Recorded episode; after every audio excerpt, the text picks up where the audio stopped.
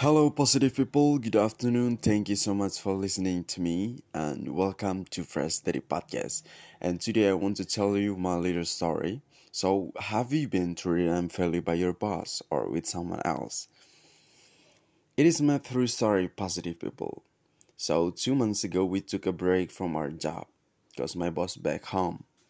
Normally, the day before our boss leave, our boss gives us some money. At the moment, my friend get a half million and I don't. Why? Because I wasn't there at the moment. Because I was sick. And uh, my friend told me that he got some million and he told me happily.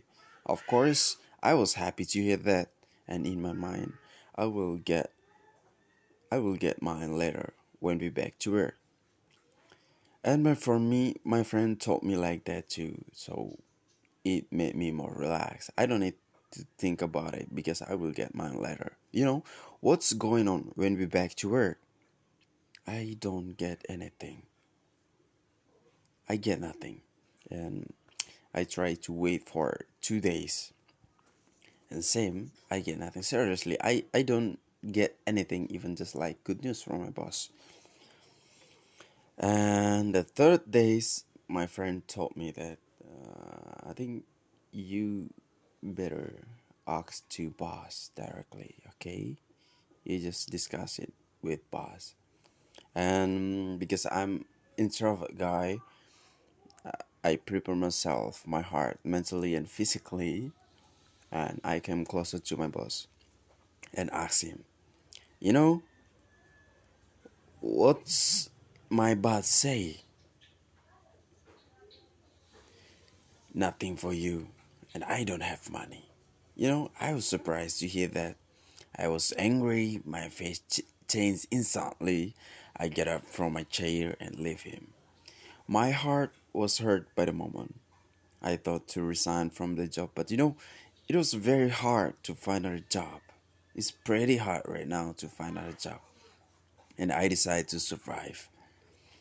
So the point is how I changed my mood back. Because at the moment my mood was very very bad. Yeah i'm angry so much. So on the way back home i'm talking to myself. I say sustenance is not from anyone even the boss. It is all arranged by god i repeat this sentence many, many times. And don't be jealous of your friend because he got something and it has been rinsed. Yeah, I repeat those of sentence many, many times. And you know, I success. I was able to change my mood back. Okay, that's my little story. So if you have problem, please talk to yourself first because the solution itself is you.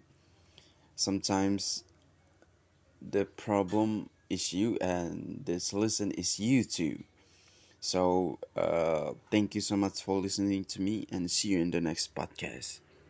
Thank you